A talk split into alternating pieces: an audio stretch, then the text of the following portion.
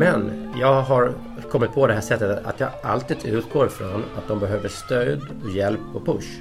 Mm. Så att eh, om man märker att en elev börjar bli orolig och inte arbetar, då går jag fram och, och, och, frågar helt enkelt, vill du ha lite hjälp igång? Vi kan göra första meningen tillsammans.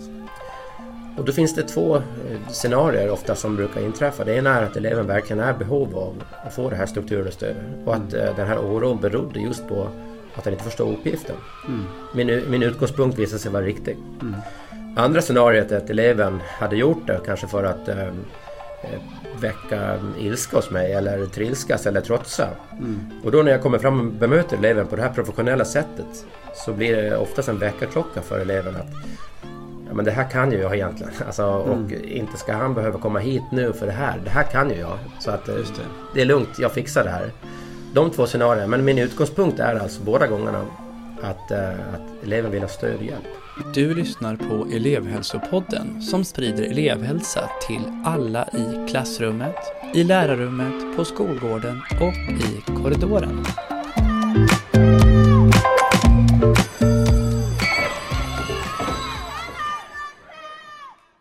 Välkommen tillbaka till eh, elevhälsopodden Magnus Blixt. Tackar. Kul att ses igen. Ja. Nu ska vi alldeles strax eh, lyssna på avsnittet som jag eh, har spelat in med Jonas Nilsson. Vad, vad, har du för förväntningar på, på avsnittet? Jo, men jag tänker också, jag har, jag har ju läst, Jonas skriver ju en del eh, klokt i sociala medier och, och, press och det är ju väldigt klokt. Jag har också hört honom på lärarkaféet mm. som var för lärarstudenter. Och det, det, ja, många, vi borde, det borde varit ännu fler där att lyssna, så kan man säga. Så jag ser mycket fram emot Tänkande människor är ju intressant. Ja. Eller hur? Du, jag, jag tycker nästan att vi, vi kastar oss in i avsnittet ja, direkt. Låter bra. Och så, så bubblar vi lite grann efteråt. Mm. kör vi.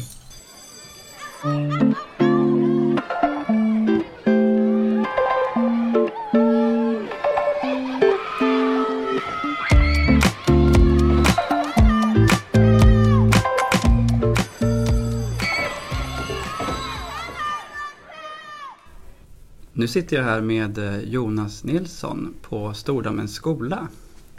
Eh, välkommen Jonas! Tack så mycket! Vad kul att komma ut i Stordammen mm. eh, och få en pratstund med dig. Mm, det blir trevligt. Mm. Kan inte du berätta lite grann om vem du är och din bakgrund som lärare? Mm. Jonas Nilsson heter jag då och eh, jobbar som förstelärare här på Stordammens skola i Uppsala. Och eh, började min lärargärning år 2000 i Stockholm, på Hagsätraskolan och då som idrottslärare på heltid. Jag hade gått på GH, Gymnastik och idrottshögskolan i Stockholm innan. Och kom ut i ett läge där, eh, som var ungefär som idag, att eh, branschen skrek efter lärare. Så det var ett stort skriande behov av lärare. Så jag kom ut i bra läge och kunde välja arbetsplats och fann då Hagsätraskolan intressant med sin eh, eh, det mångkulturella perspektivet och eh, eh, bra ledning och så vidare. Mm. Så där hamnade jag. Verkade där under sju år, gjorde en massa lärdomar som jag tog med mig hit sen till Uppsala. Mm. När jag kom hit. Och eh, har verkat eh, sedan 2007 här då, fram till idag. Vi ska ju prata om ledarskap. Mm.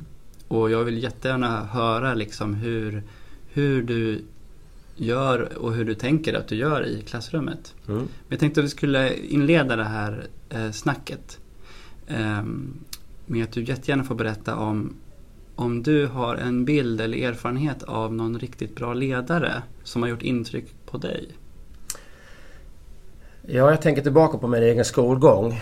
Jag har ju många erfarenheter också från fotbollsvärlden med tränare som jag har haft och så vidare. Men jag tänker främst på en lärare jag hade faktiskt, SO, på gymnasiet på Säveskolan i Visby.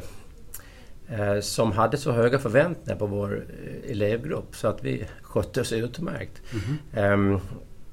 Han, ehm, jag minns också citat som han sa som gällde liksom utanför det han lärde ut. Eh, han, han drog in oss i samtalet genom att berätta om personliga saker som han har snappat upp i samhället och sådana saker som man kanske har läst i tidningen. Och, Exempelvis minns jag att han berättade att snabbmakaroner var väldigt onyttiga. Det, det skulle vi inte äta. Snabbmakaroner och falukorv, det skulle vi inte käka. Och sådana citat minns jag från honom. Ja. men på något sätt så fångade han vårt intresse och sen drog lotsarna han in oss då i själva ämnet. Fångade ja. oss. Och det, det sättet är nog unikt av de lärare som jag har mött då själv då. Ja. Och, och, den lärartypen försöker jag nog vara. Att jag försöker fånga upp eh, barnen, eleverna på banan på något sätt. Först genom att skapa intresse. Och sen riktar jag in uppmärksamheten och helt plötsligt är man där och man är trollbunden. Ja. Vidare så, eh, det där med höga förväntningar då. Att, um, jag minns att vi hade tyst arbete ibland och satt och jobbade individuellt. Och så var det någon som pratade, det kunde vara undertecknare ibland, som, som sa någonting till någon annan. Och, och då tog han av sig glasögonen och så tittade han bara upp lite grann på oss försiktigt. Och då upphörde pratet. Ah. Det vill säga han visade en förvåning att, att vi satt och pratade. För han hade ju sagt att vi ska jobba tyst.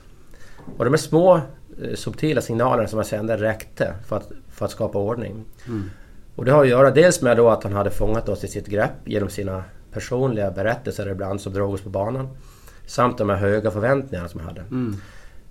Och självklart så kände vi också att, att han hade ett stort kunskapsdjup som vi kunde luta oss emot. Mm. Uh, vidare då att det här med att han fångade upp trådar. Ställde vi en fråga till honom angående ämnet som kanske inte var precis det vi skulle skriva prov på. Så tog han sig tid att redogöra för det, svaret för det och, och diskutera i helklass. Mm. Och det var långt innan eh, det fanns studier om att klassrumsdiskussion hade god effekt för för elevprestationerna. Utan det här hade ju han då i sin känsla att det här var bra. Just det, så han följde liksom upp era frågor och det ni var intresserade av också? Just det. Han, eh, han mm. förkastade inga frågor som kanske låg som ett sidospår. Utan han eh, svarade på dem och sen lotsade han in oss igen på rätt bana så att säga. Och då fick vi med oss de här perifera kunskaperna som, som skapar en samlad bild av SO, eh, samhällsämnet, exempelvis historia och så vidare. Just det. Så om jag liksom ska försöka sammanfatta det du sa. Du får säga om jag mm. har uppfattat fel saker. Att eh, den här läraren, han, han skapade liksom det här att det var, det var ni. Det var mm. han och ni. Mm. Ni var liksom i, i, en relation. Han var personlig och använde sitt eget, eget egna intressen för att fånga er. Och också det här du sa med höga förväntningar. Just det. Stämmer det på ett ungefär? Det stämmer. Ja, just det. Mm. Gud.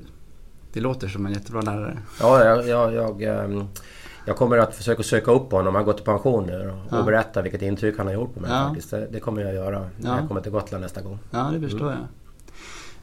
Men nu har vi ju liksom en, en bild av den här, um, den här läraren som lyckades i sitt ledarskap. Mm. Uh, men jag tänker att det, ledarskapet det är ju dels de här liksom överordnade liksom förhållningssättet som vi mm. pratar om nu, som han hade. Men jag tänker att det, det, det jag tänker att det också handlar om eh, mindre, mer konkreta saker. Till exempel så här, vilka rutiner och strukturer man etablerar i klassen och sådär. Mm. Kan du berätta någonting om hur du jobbar med det? Ja, men det är ju så att eh, barn och ungdomar mår bra av strikta rutiner. Och jag menar, ehm, det finns många som skulle klara sig bra ändå så att säga. Som har med sig goda rutiner hemifrån kanske och kan falla in i ett mer fritt klimat. Men eh, det finns också elever som inte har den styrningen på fritiden. Eh, och alla är betjänta då av att lektionen ska ha en god struktur. Sen om skolor då bestämmer på enhetsnivå att alla är lika i ingressen av en lektion eller om man har en diskussion med lärarna om det. Det får man ju såklart stå helt fritt att välja som skolledare och, och, och som om lärare då vill, vill göra samma. Men eh, man, man bör ju tänka på då exempelvis att att man sätter tonen när eleverna kommer in i klassrummet. Att man kan stå mm. emot, ta emot dem i dörren. Och det är en väldigt enkel mm. grej egentligen. Och se alla elever i ögonen och säga välkommen, hej. Gör du det? Jag gör det. Ja, ja jag gör det. Ja. Eh, en varm känsla när de kommer in. Får just den där lilla touchen i början. Mm bygger också band varenda dag. Och den eleven som man har sett i ögonen och hälsat på, välkommen. Har du mm. med dig rätt material? kan man fråga. Mm. Eh, och, och, har de för det mesta och skulle de inte ha det får de gå och hämta det i skåpet så de kommer med rätt material.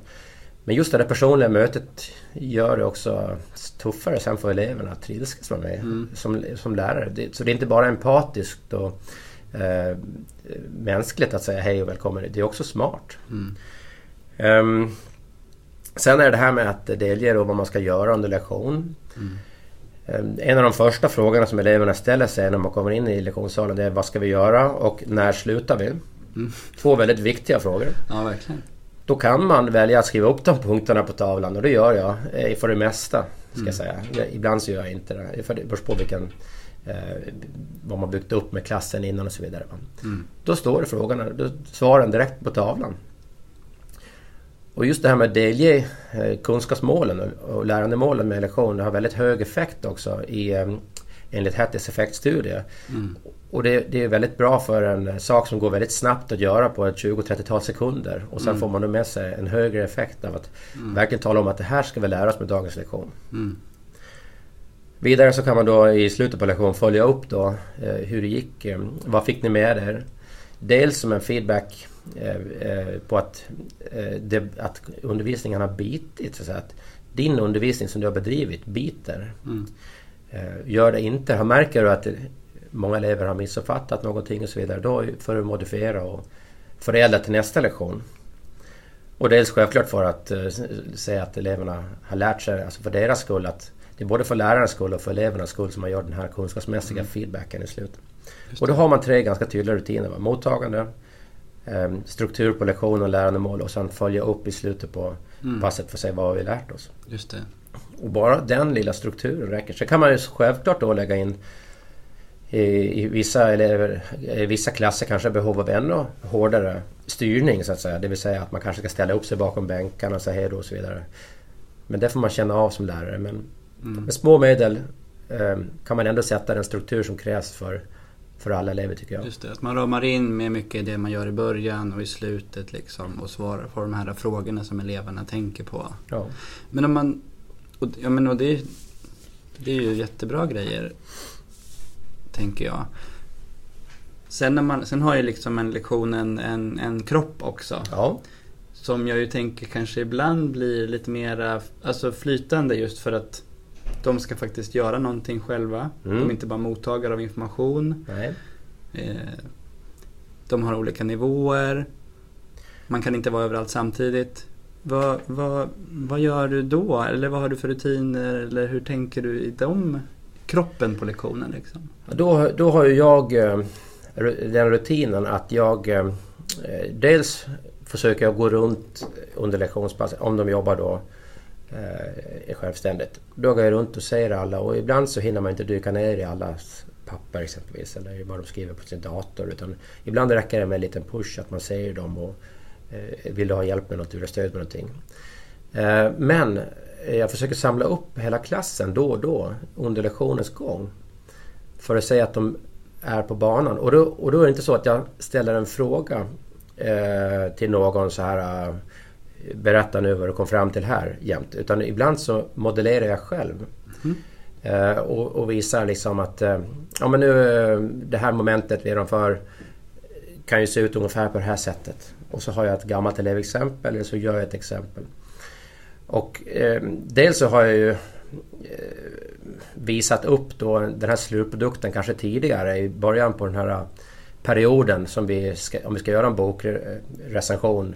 Då har jag visat upp det i början på perioden då hur en bokrecension ser ut. Men även under periodens gång så gör jag små blänkare kring så här är ett resonemang och um, så här kan en, ehm, ett referat se ut och så vidare. Just det, visa på målet liksom. Just det. Mm. Och, och då blir det en rutin för eleverna och den kommer ju inte på, på, på minuten samtidigt utan det, det är en känsla att eh, nu känner jag för att samla upp gruppen håller de utsatt kurs utan att mm. knäppa någon på näsan, utan att gå fram och säga att du gör fel.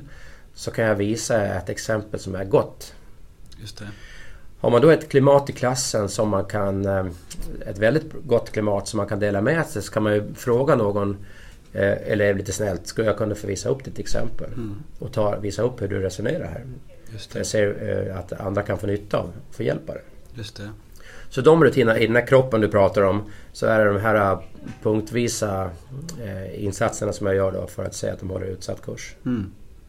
Och, och, det stävjar också, allt det här som vi pratar om stävjar ju oro. Mm, mm, eh, det stävjar oro i klassrummet. Man känner, att, man känner sig inte att man är helt uppåt väggarna, att man har tappat greppet om vad man gör och så vidare. Nej men precis som du säger mm. tänker jag att de där rutinerna som du beskriver är ju till för eleverna och för dig. För att ni ska ha ett bra liksom, arbetsklimat. Liksom. Och det, eh, precis. Men, men om man liksom det, det måste ju finnas elever även på dina lektioner där inte den här ramen och tydligheten räcker i varje givet eh, ögonblick liksom. Ja. Vad, händer, vad händer då? Och vad, hur reagerar du som lärare då? Eh, när det liksom är, poppar upp någon som inte fixar det och där det kanske liksom, det blir liksom lite, riskerar att gunga i klassrummet på grund av det. Mm. Nej men eh, jag har ju den inställningen att um, det här barnet, den här eleven gör sitt bästa. Så vet jag, uh, jag har jobbat länge som lärare, att ibland så är det ju ett rop på hjälp och en signal att man försöker väcka uppmärksamhet genom att vara improduktiv. Att, att liksom med flit eh, kanske verka lite häftig för andra klasskamrater eller utmana mig som lärare. Men jag har kommit på det här sättet att jag alltid utgår ifrån att de behöver stöd och hjälp och push. Mm. Så att eh, om jag märker att en elev börjar bli orolig och inte arbetar, då går jag fram med min lärarstämma eh, liksom och, eh, och, och, och, frågar helt enkelt, vill du ha lite hjälp igång? Vi kan göra första meningen tillsammans. Mm. Eh, så här kan du tänka när du lägger upp det här när du lägger upp de här argumenten i ditt argumenterande tal och så vidare ifall du håller på att skriva ett sånt. Och då finns det två scenarier ofta som brukar inträffa. Det ena är att eleven verkligen är i behov av att få det här strukturunderstödet och att mm. den här oron berodde just på att han inte förstod uppgiften. Mm. Min, min utgångspunkt visade sig vara riktig. Mm. Andra scenariet är att eleven hade gjort det kanske för att eh, väcka ilska hos mig eller trilskas eller trotsa. Mm. Och då när jag kommer fram och bemöter eleven på det här professionella sättet så blir det oftast en väckarklocka för eleven att Ja men det här kan ju jag egentligen. Alltså, och mm. inte ska han behöva komma hit nu för det här. Det här kan ju jag. Så att det. det. är lugnt, jag fixar det här. De två scenarierna. Men min utgångspunkt är alltså båda gångerna att, uh, att eleven vill ha stöd och hjälp. Mm. Inte gå fram med en massa skäll och säga nu har du nu jobbar du inte nu heller. Mm. Det samma sak var det igår och i förrgår. Uh, nu eh, ska vi ringa hem och berätta det här. Mm. Nu måste du skärpa dig. Mm. För då kan man skapa den här, det här martyrskapet eh, hos den här eleven. Att eh, det är alltid jag som får skäll och mm. eh, han är en på mig. Och, och så får man en större... Man göder det negativa beteendet. Mm. Och eleven blir sedd och befäster en roll i klassrummet som en negativ eh, person så att säga. Mm, mm.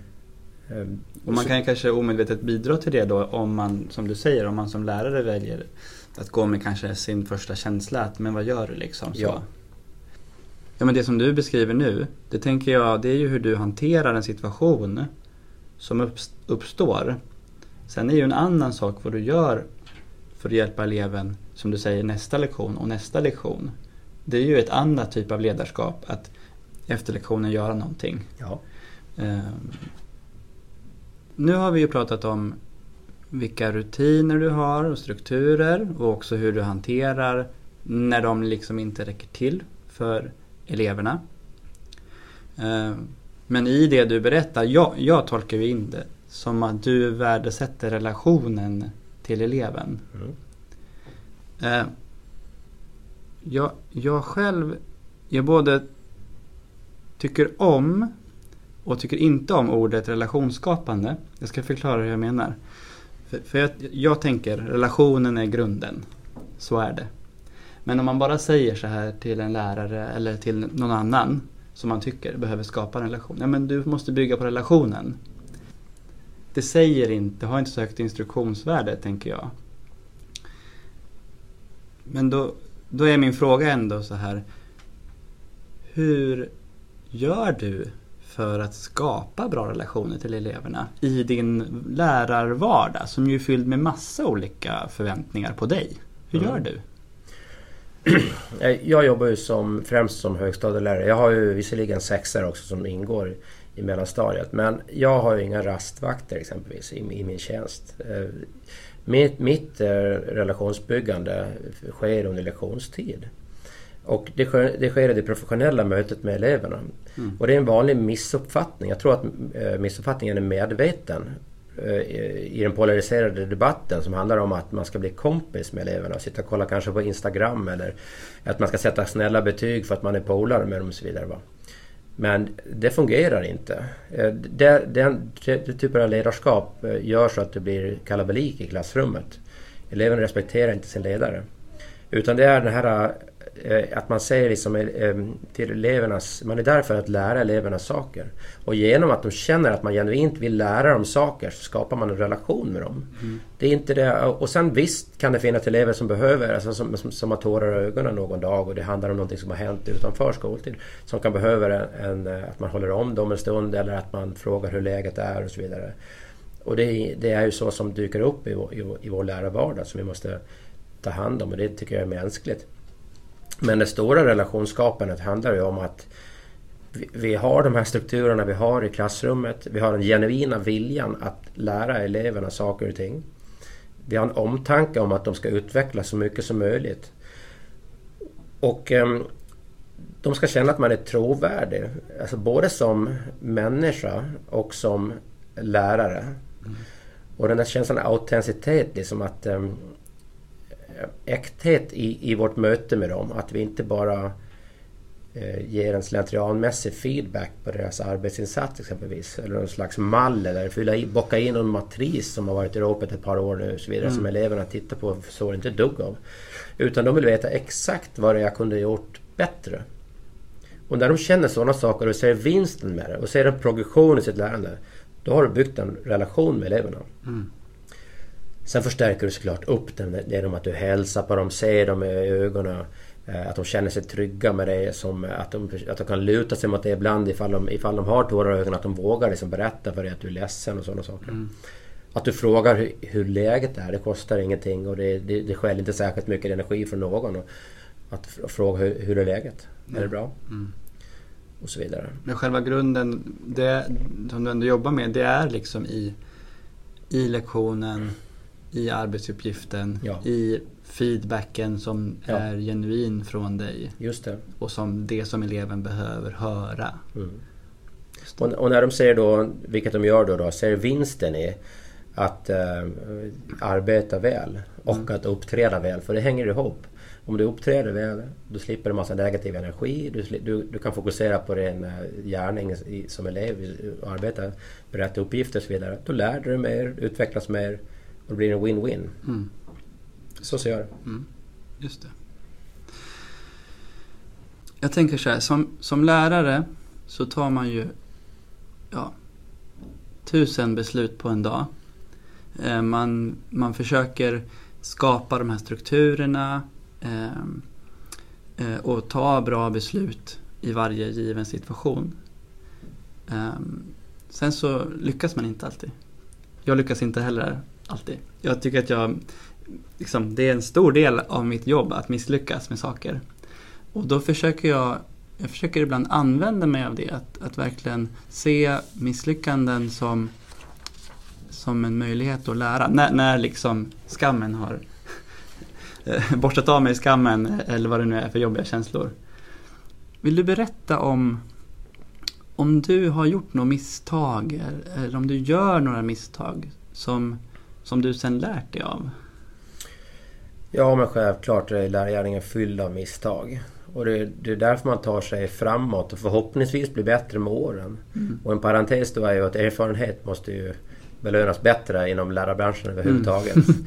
Eh, för att det finns ingen bättre egenskap än, äh, än erfarenhet att, äh, som man lägger till sin, i sitt kunnande så att säga. Mm. Men främst var det såklart de yngre läraråren jag kanske var lite het om man säger så. Jag jobbade som idrottslärare i Hagsätraskolan. Mm. Eh, utsatt område, ehm, sociala problem och eh, svagt föräldrastöd hemma. Det vill säga, du fick ingen, eh, jag fick ofta inget stöd av föräldrarna när jag ringde hem och, och berättade att någon hade misskött sig och så vidare. Mm. Um, låg utbildningsbakgrund och så vidare. Och, och då var det ju uh, främst killar som utmanade mig väldigt mycket som idrottslärare. Och, killarna var, de, de var stora. Vissa var större än vad jag var. De var eh, eh, tuffa i sitt vokabulär. Eh, de gick fram ibland, utmanade mig, ställde sig framför och skrek och så vidare. och det första året framförallt, då var jag lite het och, och uh, mötte eld med eld. Och så, så mm. Jag, var, uh, jag var väl kanske 22-23 år gammal. Jag hade nyss kommit ut från GH. Och uh, kände att jag ville visa vem som var den självklara ledaren i, i lektionssalen. Så jag körde ut dem handgripligen. Och jag, jag föste ut dem helt enkelt. Och mm. de fick stå där ute och banka på dörren och ville in igen. Mm. Och eh, det kändes rätt i stunden och jag räddade lektionen för de andra. Och eh, jag fick en viss då effekt av att eh, man ska inte bråka med mig för då får man inte vara med på lektion och så vidare. Problemet var ju bara det att den här killen kom tillbaka med indignation i bröstet nästa lektion och skulle visa sig på styva linan igen. Och den här mm. gången ska den personen kanske vinna matchen mot mig. Någon gång skulle jag väl knäckas. Så det blev en tuppfäktning. Eh, som jag förstod sen då efter ett tag var helt verkanslös och onödig. Och det var väl när poletten föll ner där så att säga. Eh, efter jag hade fortsatt att skrika på samma killar då så att säga under ett års tid och föst ut och så vidare. Så förstår jag att det här... Eh, antingen så kan jag liksom gå så här och bli helt förbittrad som lärare och lägga ner. Eller så måste jag tänka på att göra någonting annat. Mm. Och då fick jag de här tankarna som jag fortfarande har fått då idag och som jag använder då även när jag börjat föreläsa lite grann om, om ledarskapet i mm. klassrummet. Mm. Att fundera på hur den personen som utmanar, hur den personen mår och hur, hur, eh, hur har den det och så vidare. Är den van med att um, höra skrik och skäll i sin vardag annars och få repressalier och straff och så vidare. Uh, jag kom fram till att det faktiskt nog var så. Mm att, de, att hela vuxenvärlden för dem eh, var liksom, kändes som att de var emot dem. Och jag ska ju säga att ibland var det ju såklart med rätta. De här killarna hade gjort säkerligen dumma saker på sin fritid och fått repressalier för det. Mm. Men det hade skapat en slags stigmatisering och eh, en vi mot dem-känsla mot vuxenvärlden och kände hur ska jag vända på det? Så när jag då istället för att eh, fösa ut från salen eh, gick fram till eleven och frågade hur läget var Mm. Hur läget? Och jag märker nu att du försöker utmana mig lite grann framför, framför gruppen och så vidare. Och jag vill inte att, att, vi, att vi har det så med varandra. Vill du ha det så? Att vi jämt står och skriker på varandra och sen, åker, sen försöker jag fösa ut dig och, och så blir det negativ stämning. Hur, eller, hur vill vi ha det tillsammans? Mm. Och med den ingången så kände jag att um, de här personerna blev helt paffa. Det var som att deras gard togs ner och deras um, uh, deras axlar sjönk. Och helt plötsligt kunde vi mötas i ett samtal kring situationen, kring det som uppstod. Mm. Varför det uppstod. Och helt plötsligt när vi eh, efterhand, och det tog gick ju inte på en dag, så kunde vi diskutera om vad egentligen respekt innebar och vad, eh, eh hur de vill att man ska se på dem som individer. Vill, vill ni att personer i omgivningen ska gå omkring och vara skraja för er och därigenom ha respekt? Mm. Eller ska de lyssna till vad ni har att säga och hur ni är som människor och så vidare. Mm. Så att det här eld mot eld det gör så att man i stunden där och då löser en situation. Men det löser ingenting på sikt. Nej. Och för att ta sig in under det här starka eh, pansarskyddet som de här personerna har byggt upp, de här eleverna. Då måste man använda sig av det empatiska och det omtänksamma. Eh, och det verkligt framåtsyftande. För att få det här samtalet mm. till stånd. Och då kan du påverka och då kan du ändra. Och då kan du förändra också situationen, hela den elevens liv faktiskt. Alltså, den, den börjar förstå då att uh, hur, de förstår hur, hur, hur den kan uppfattas av andra genom sin aggressivitet och, och, och, kanske vara störiga mot sin mm. omgivning och vuxenvärld och sådana mm. saker. Och annars hade vi haft en, en situation som hade fortsatt mm. under tre, fyra år, kanske hela min lärargärning. Mm. För de här personerna som var på Hagstaskolan är inte unika utan eh, elever som utmanar finns på alla skolor. Gud ja.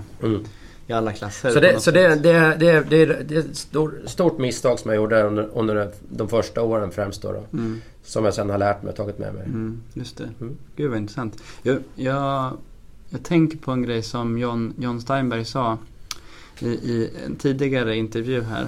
Um, så, som handlar om, för, i någon av hans kommande böcker, eller det han höll på att skriva just nu, då pratade han om att han ser att framgångsrika ledare, eh, de, de finns både på mikronivå, alltså de de ser eh, vad är det för uppgifter eleverna behöver, vad är det jag ska göra nu. Och sen så rör de sig från det ända upp till makronivå kring eh, vad är min roll för den här eleven? Vad kan jag bidra med i elevens liv? Det är inte så att läraren bara är där, för då är man en socialarbetare. Men att läraren ser och rör sig mellan de här perspektiven fram och tillbaka. Mm. Det tyckte jag var jättespännande. Ja. Och jag förstod det då, men när du beskriver det nu mm. så ger du mig en bild av det. Vet, vad, vad, tänker du när jag säger det? Jag tänker ju så att eh, det är precis så det går till. För såklart, såklart på, på en mikronivå så att säga så måste jag ju korrigera ett eh, negativt beteende framför andra i salen. Om en elev så att säga gör någonting medvetet dumt eh, mot, säger någonting dumt mot mig eller mot andra så måste jag självklart agera och säga till. Eh, I stunden. För att det löser en situation i stunden. Sen måste jag ganska snabbt upp till den här eh, makronivån då, eh, och fånga upp den här eleven för att på sikt förändra det här beteendet. Först mm. måste jag eh, åtgärda den problematiken som uppstår. Mm. Och så måste jag snabbt vara där och fånga upp för att förebygga framgent. Mm. Och det är det som ofta glöms bort när man debatterar ordning och studieråd. De, de här eleverna ska enligt vissa debattörer ut bara. Var de tar vägen spelar mm. ingen roll. De kan stå i någon klunga någonstans på stan. Medan jag då är snabbt framme och jag och många andra lärare, mm. alltså de flesta andra lärare i Sverige är framme och fångar upp för att förebygga inför nästa lektion och mm. nästa lektion och nästa lektion. Och det glöms ofta bort. Mm. Så just det där med att eh, inom ganska kort tidsspann faktiskt röra sig mellan mikro och makronivå, det, det är precis det som, som krävs. Mm.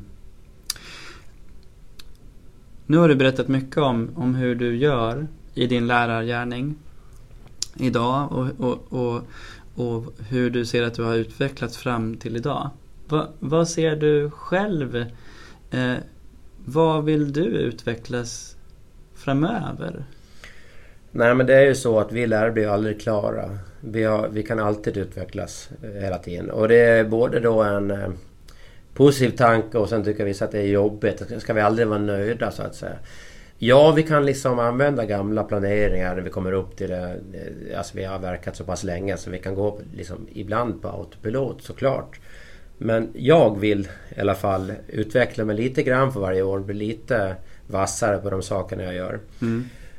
Och en av de sakerna som jag har blivit bättre på det är att jag blir mer och mer prestigelös. Mm. I början som eh, lärare och ja, även kanske 10-12 första åren som lärare. När jag blev ifrågasatt av någon kollega eller varför gör du på det sättet eller så vidare. Så tog jag åt mig väldigt mycket personligen. Mm. Och kände som att det var liksom klampa in på min integritet nästan.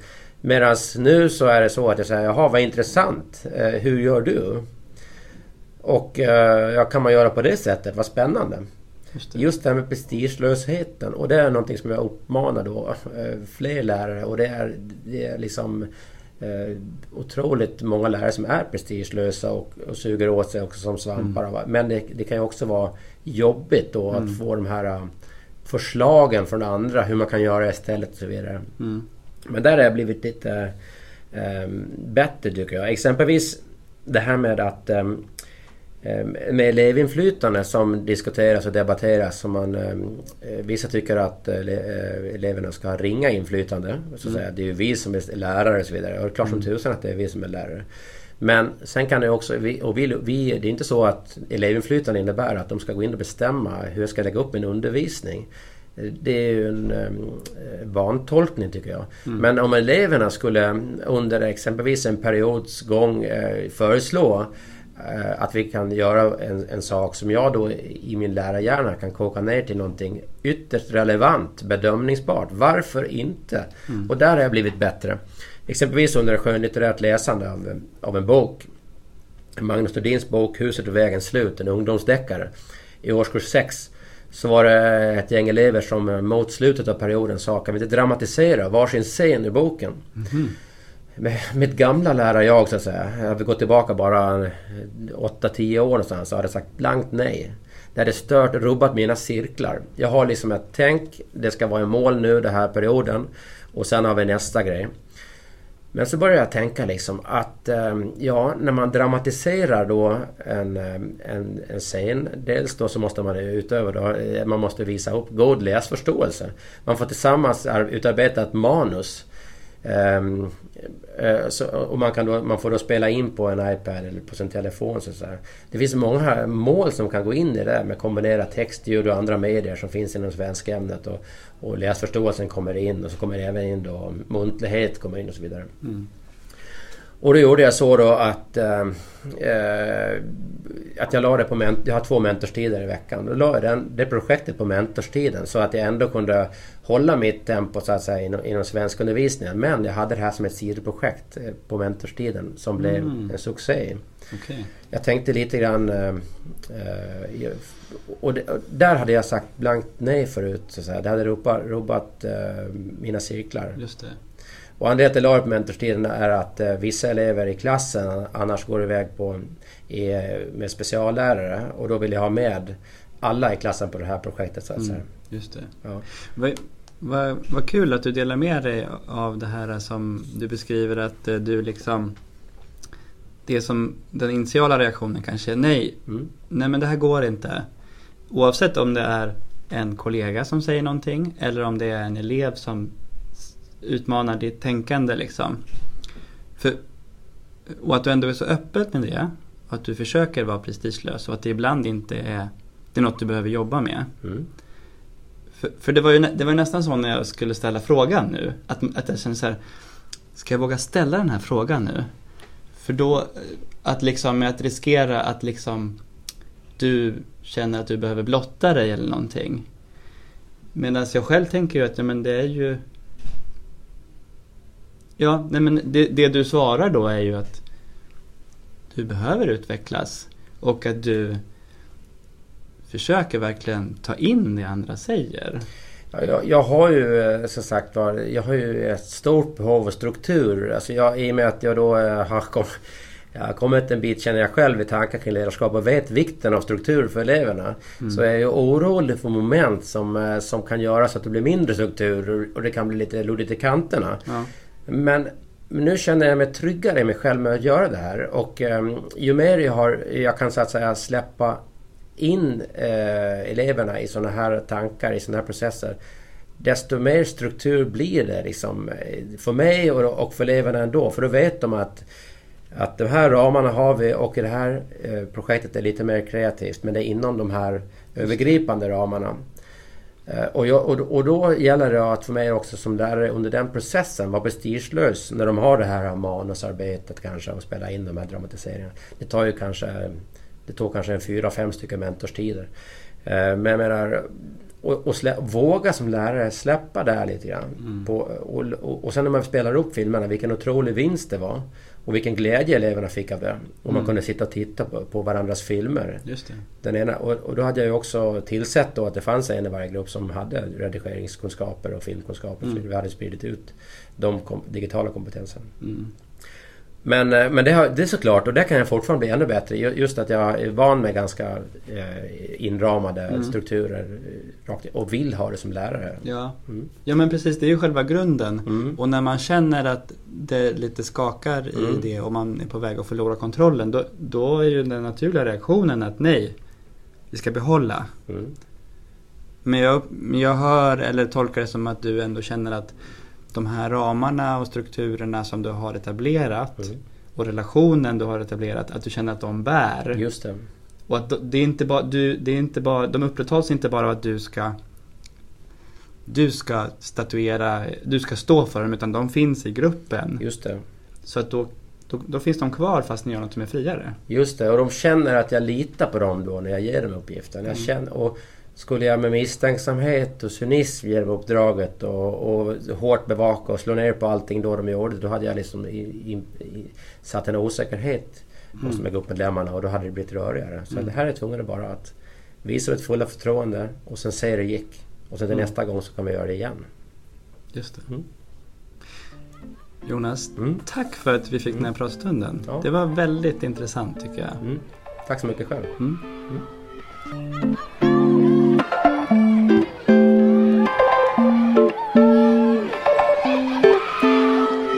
Då var vi tillbaka Ja, efter intervjun med Jonas. mm, spännande. Vad, vad är din spontana reaktion och tankar? Ja, men jag, jag, jag tycker om att han, han också så öpp, är så öppen med att, att i början gick det ju inte så bra. Nej. Och oj vad man lär sig Ja. som lärare. Det, det, det tänker jag var en... Ja. Jo men, ja verkligen. Och, och egentligen att han ju också... Alltså på ett sätt är det ju lätt att säga när jag var ung Mm, och så bekänner man sina synder. mm, Som man ju i och för sig kan, kan lära av. Men jag tycker ändå att han försöker hålla kvar det nu. Ja, ja, men eh, det han sa om eh, hur han jobbar med elever nu mm, och att de, de kan vara del- delaktiga i att utforma ett projekt. mm. Och han vet inte exakt hur det ska gå, gå liksom. Eh, alltså att han ändå försöker hålla kvar det.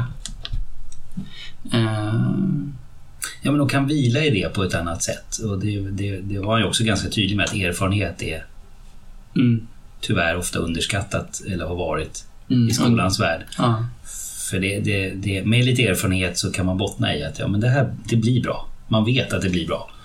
Måste inte planera allting i detalj utan, utan ibland får man köra go with the flow men ändå medvetet och Mm. medvetna val. Det är Mm. också tydligt. Det är inte någon flum liksom men, nej. men detaljplanering i, i, i varje aspekt blir inte alltid bättre. Precis. Och, och, och jag tolkar det som att han kan vila i det som du säger. Eh, att eleverna eh, får mera inflytande och kontroll för att han vet att relationen bär Mm. Till dem. Han pratar ju, jag tycker det är jättespännande kring hur han pratar kring Mm. relation. Mm. I min anteckning när jag lyssnade på avsnittet eh, då skrev jag det professionella relationsbygget. Mm. För han är ganska eh, tydlig med att det är på lektionen han bygger relationen. Mm.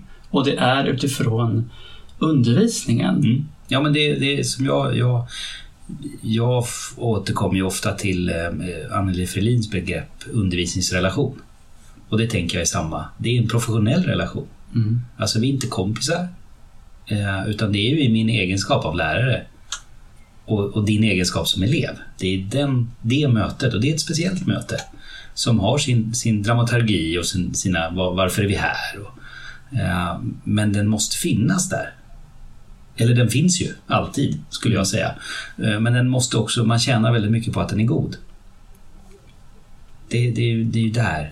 Det blir, det blir bättre för alla parter när den är god. Mm. Eh, För att så läraren får ett lättare jobb och eleverna lär sig mer och så är det dessutom trevligare. Det är liksom mm, mycket vinster, inga förluster. Nej, precis. Men den byggs där och då också. Det tycker jag Jonas är liksom, det är ju undervisningen vi bygger här. Det är inte, Ja. De åker inte på teambuilding Nej. i augusti. Nej, och han, han likar inte deras Instagram-bilder. Nej. Eh, utan han genuint snarare intresserar sig för dem. Ja, men precis. Och de, och de pratar ju om undervisningen och det här han sa. Eh, eleverna vill ju veta eh, vad de kan förändra, vad de kan göra bättre. Mm. Och det, och det är ju liksom feedback Mm. som de vill ha liksom. Mm. Och det skapar det här samarbetet. Eh, Jo, men de vill ju ha det från någon som de har förtroende för. Mm. Eh, någonting som jag också bär med mig, det var det här hur han beskrev hur han... Ja, men han, han är ju jättetydlig med eh, ramen för lektionen, Mm. strukturen. Mm.